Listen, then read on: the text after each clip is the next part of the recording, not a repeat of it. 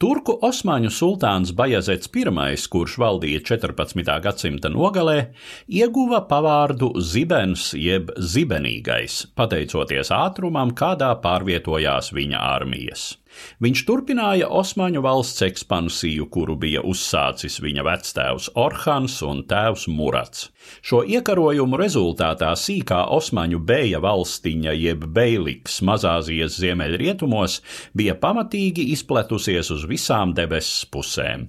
Bija pakļauti vairāki kaimiņu beiliki Mazāzijā, turku virskundzību bija atzinusi Bulgārija un Serbija, Bizantijas impērija bija sarukusi līdz nenozīmīgai milzīgai teritorijai ap Konstantinopoli.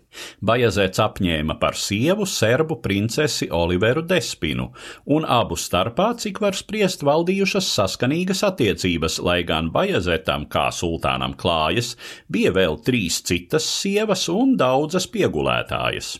Laika biedru atmiņas vēsta, ka Bajazets nav īpaši sevi apgrūtinājis ar valsts pārvaldi. Viņa stihija bijusi karošana, kuras starplaikos sultāns pār pārējiem baudījis dzīvi. Toties karotājs viņš bijis izcils un savā mūžā cietis tikai vienu nopietnu sakāvi. Tiesa šī sakāve kaujā pret leģendāro mongoļu karavadoni Timuru 1402. gada 20. jūlijā bija sultānam liktenīga. Timurs, Vidusāzijā dzimis mongoļu vadoņa Čingishana attāls pēcnācējs, pretendēja atjaunot sava varanā senča impēriju.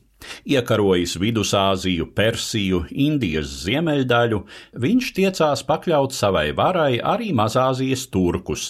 Te nu viņa intereses sadūrās ar Bajazeta plāniem. Vairākus gadus starp abiem iekarotājiem risinājās sarakste visai aizskarošos toņos, līdz 1402. gadā Timurs ar tiem laikiem milzīgu armiju iebruka Mazāzijā.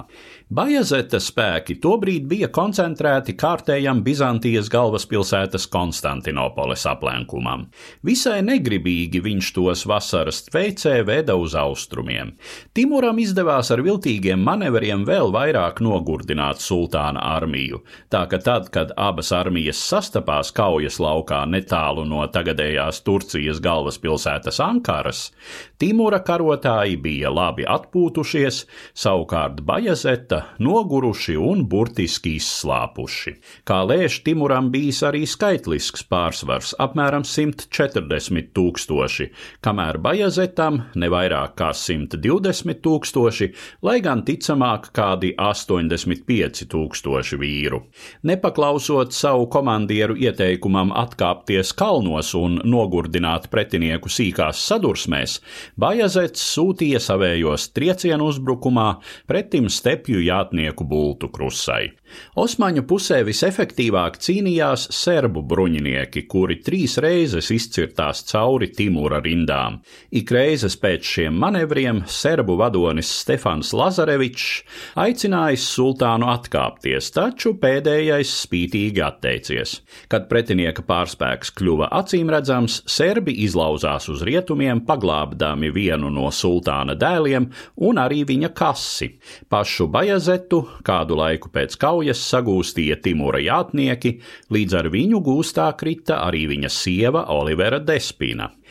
Eiropā nākamajos gadsimtos lielu popularitāti guva nostāsti par pazemojumiem, kādiem Bajazets un Olivera pakļauti Timura gūstā. Sultāns ticis turēts būrī, barots ar ēdienu atliekām, Timurs izmantojis viņa muguru kā kaisoliņu dzīru laikā un kāpdams zirgā.